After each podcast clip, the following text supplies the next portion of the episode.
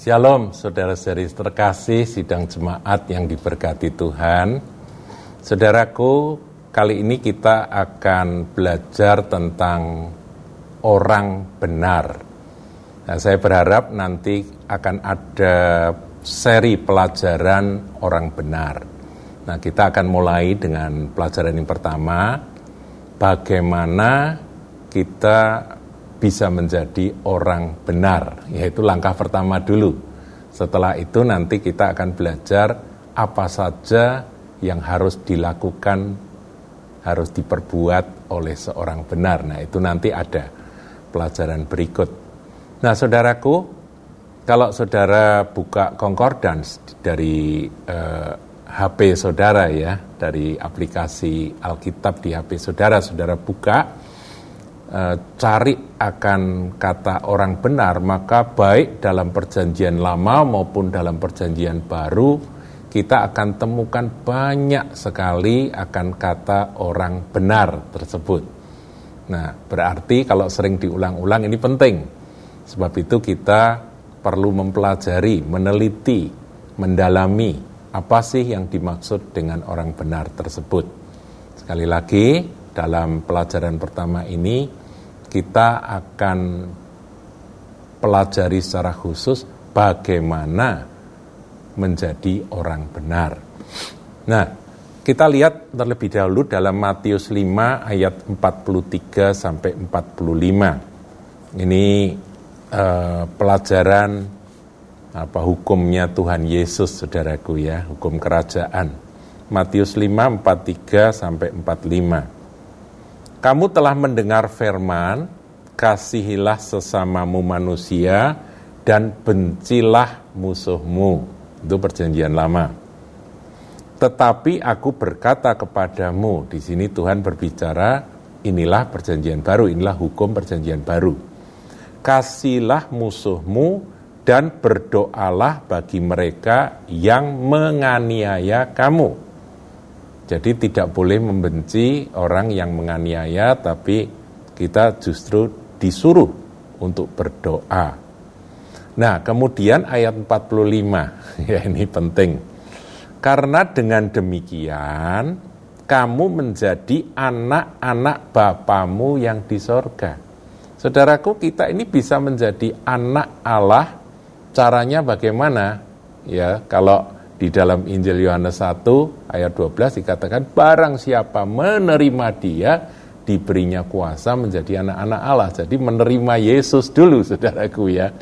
Tapi di sini Tuhan katakan bahwa orang yang sudah menerima Yesus dan sudah menjadi milik Kristus mereka punya ciri yaitu ada satu kekuatan yang mendorong mereka untuk tidak hidup dalam kebencian termasuk kepada orang yang memusuhi saudaraku. Nah, ini memang bertentangan dengan sifat daging manusia. Tapi inilah karya Roh Kudus yang akan dikerjakan di dalam hidup kita. Karena dengan demikian lah kamu menjadi anak-anak Bapamu yang di sorga. Nah, kemudian dilanjutkan, yang menerbitkan matahari bagi orang yang jahat dan orang yang baik. Kalau saudara perhatikan matahari itu ya, fajar menyingsing itu tuh untuk siapa matahari itu? Setia setiap pagi terbit. Untuk siapa? Untuk semua manusia. Tidak peduli manusia itu pembunuh, pemerkosa, perampok, ya, koruptor, orang jahat, ya, ataupun orang baik. Matahari itu Tuhan terbitkan untuk mereka semua. Karena Bapak itu Bapak yang berkemurahan pada semua manusia menjadi anak-anak Bapamu yang di surga yang menerbitkan matahari bagi orang yang jahat dan orang yang baik. Tapi kalimat berikut ini, saudaraku, ini akan membawa kita pada perkenalan tentang siapakah orang benar ya. Dan menurunkan hujan bagi orang yang benar dan orang yang tidak benar. Di sini dibedakan orang baik itu ternyata bukan orang benar, saudaraku Orang baik itu lawan katanya adalah orang jahat. Orang baik itu suka menolong, suka membantu, ramah itu orang baik, saudara. Orang jahat itu enggak ramah, suka mencelakakan orang lain, suka bikin susah orang lain, itu orang jahat. Ini lawan kata dari orang baik. Tetapi ada pula di situ orang benar dan lawan katanya adalah orang yang tidak benar. Ya di situ menurunkan hujan bagi orang yang benar dan orang yang tidak benar. Nah, berarti saudaraku menjadi baik saja tidak cukup saudaraku ya. Menjadi baik itu adalah buah dari kita kalau kita menjadi benar. Yang penting itu benar dulu. Setelah benar nanti kita mengikuti kebenaran itu pasti buahnya adalah kebaikan. Kira-kira demikian, saudaraku. Ada orang baik, saudara ini sedikit uh, kita bahas tentang bedanya baik dan benar ya. Ada orang baik, wah dia sosial di kampungnya. Setiap kali ada acara apa dia selalu bagi-bagi dia bagi uang, dia bagi sembako, sehingga seluruh kampungnya, lingkungannya itu memuji dia sebagai orang baik. Orangnya juga ramah, suka menolong begitu ya. Tapi tiba-tiba satu hari ada mobil polisi datang dan ternyata orang baik tanda kutip itu ditangkap. Nah setelah dibongkar semuanya ternyata dia adalah bandar narkoba yang sangat besar. Nah, saudaraku, dia punya banyak uang sehingga dia bisa banyak berbuat tanda kutip kebaikan. Tetapi apakah dia orang benar? Tidak, saudaraku. Dia baik di sini, dia jahat di sana. Orang-orang yang dirusak oleh narkoba yang dia bandari itu ya, narkoba yang dia perjualbelikan itu yang hancur hidupnya berapa ribu anak muda, berapa ratus atau puluh ribu atau ratus ribu masa depan yang hancur karena ulahnya dia, karena pekerjaannya dia. Jadi baik di sini Tuhan lihat, oh kamu baik cuma di situ tapi sebetulnya kamu jahat di sini karena kamu bukan orang benar. Tapi beda, kalau orang benar itu pasti buahnya kebaikan. Nah, saudaraku, orang benar ini luar biasa karena dijamin oleh Tuhan yang akan masuk hidup kekal itu adalah orang-orang benar saja. Coba kita lihat Matius 25 ayat 46. Ya, di sini dikatakan dan mereka ini akan masuk ke tempat siksaan yang kekal, yaitu orang-orang yang tidak benar ya saudaraku. Tetapi orang benar, ya, sebaliknya orang benar ke dalam hidup yang kekal. Jadi orang benar itu beroleh janji Tuhan yang pasti akan masuk dalam hidup yang kekal. Itulah janji terhadap orang benar. Nah, sekarang bagaimana supaya kita ini bisa jadi orang benar, saudaraku? Nah, saya akan mengajak saudara untuk menyoroti kebenaran tentang bagaimana menjadi orang benar itu dengan sorot terang perjanjian baru. Ya, sebab perjanjian lama ada. Ya, ada kualifikasi orang-orang benar, tapi kita adalah umat perjanjian baru, kita lihat dulu perjanjian baru, saudara. Yohanes 14 ayat 6 itu adalah satu ayat hafalan buat kita semua. Tuhan Yesus berkata apa? Akulah jalan dan kebenaran dan hidup. Ya, saya bacakan saudaraku ya. Yohanes 14 ayat 6. Kata Yesus kepadanya, akulah jalan dan kebenaran dan hidup. Tidak ada seorang pun yang datang kepada Bapa kalau tidak melalui aku. Nah, di situ ada kebenaran, saudaraku.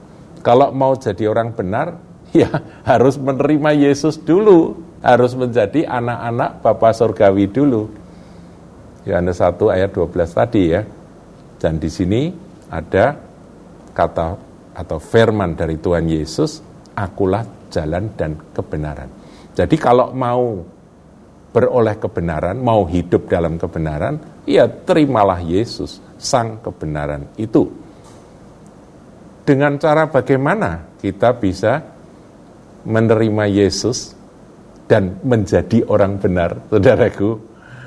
Roma 1 ayat 17, ya kita akan belajar sesuatu yang sangat mendasar tetapi penting karena nanti kita akan terus belajar bertumbuh terus mengenai pelajaran seri orang benar ini. Roma 1 ayat yang ke-17. Sebab di dalamnya nyata kebenaran Allah yang bertolak dari iman dan memimpin kepada iman ada tertulis, nah di sini Rasul Paulus menyitir dari perjanjian lama, orang benar akan hidup oleh iman. Jadi orang benar itu hidupnya oleh iman. Iman kepada siapa? Iman kepada Yesus Kristus, firman Allah yang hidup. Kita percaya pada firman Tuhan, kita percaya pada Yesus Kristus, maka kita masuk dalam kelompok golongan orang-orang benar. Nah, lebih tepat kita ini dibenarkan, saudaraku ya. Nanti kita akan lihat itu. Tapi saya akan tegaskan iman itu dulu ya. Iman orang benar akan hidup oleh iman itu. Saudara pegang, kita pertegas di Galatia 2 ayat 16. Saudara, kalau kita baca surat Galatia itu memang khas istinya, is, isinya itu sangat spesial. Isi dari surat Galatia ini memang melawan legalistik, ya, legalisme yang mana orang ya pada waktu itu diajar oleh pengajar-pengajar palsu di Galatia bahwa kalau kamu mau selamat kamu harus melakukan ini, ini, ini, ini, daftar ini. Nah, itu yang ditentang habis-habisan oleh Rasul Paulus. Karena mereka kembali kepada hukum Taurat. Galatia 2 ayat 16. Nah, ini bagus. Kamu tahu bahwa tidak seorang pun yang dibenarkan, garis bawahi kata dibenarkan oleh karena melakukan hukum Taurat.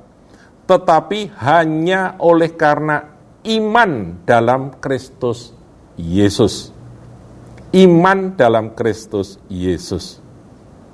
Sebab itu kami pun telah percaya kepada Kristus Yesus supaya kami dibenarkan oleh karena iman dalam Kristus dan bukan karena melakukan hukum Taurat.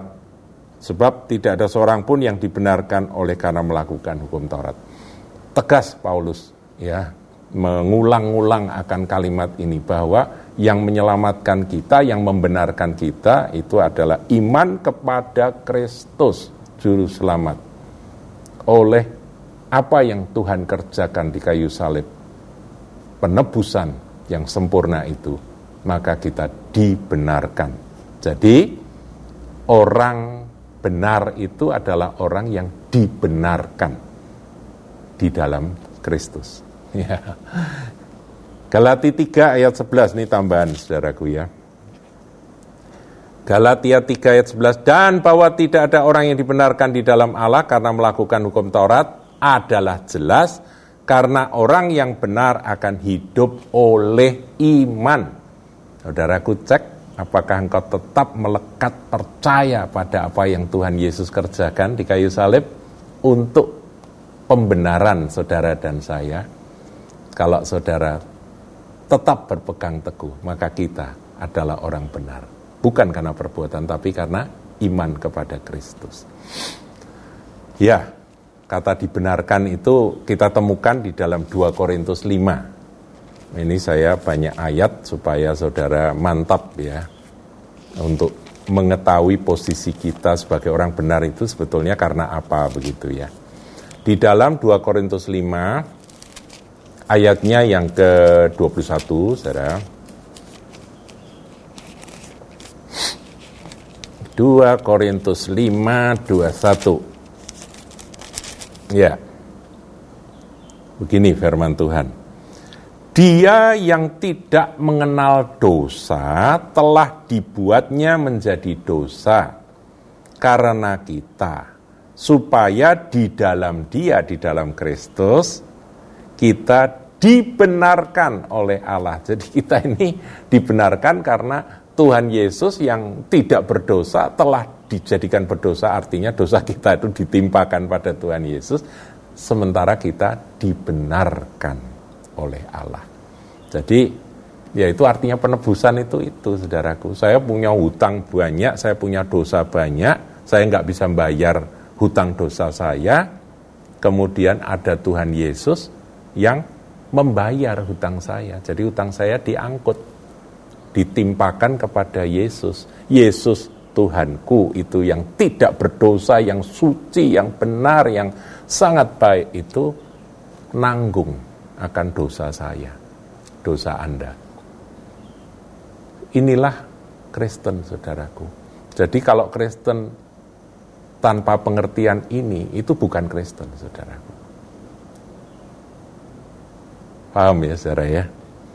Nah, satu ayat lagi sebagai penutup bahwa kita ini menjadi orang benar karena dibenarkan oleh Yesus dan kita percaya pada apa yang dia sudah selesaikan di kayu salib yaitu Titus 3 ayat 7 surat Titus pasal 3 ayat yang ke 7 demikian firman Tuhan supaya kita sebagai orang yang dibenarkan oleh kasih karunia-Nya. Kasih karunia itu pemberian cuma-cuma, saudara.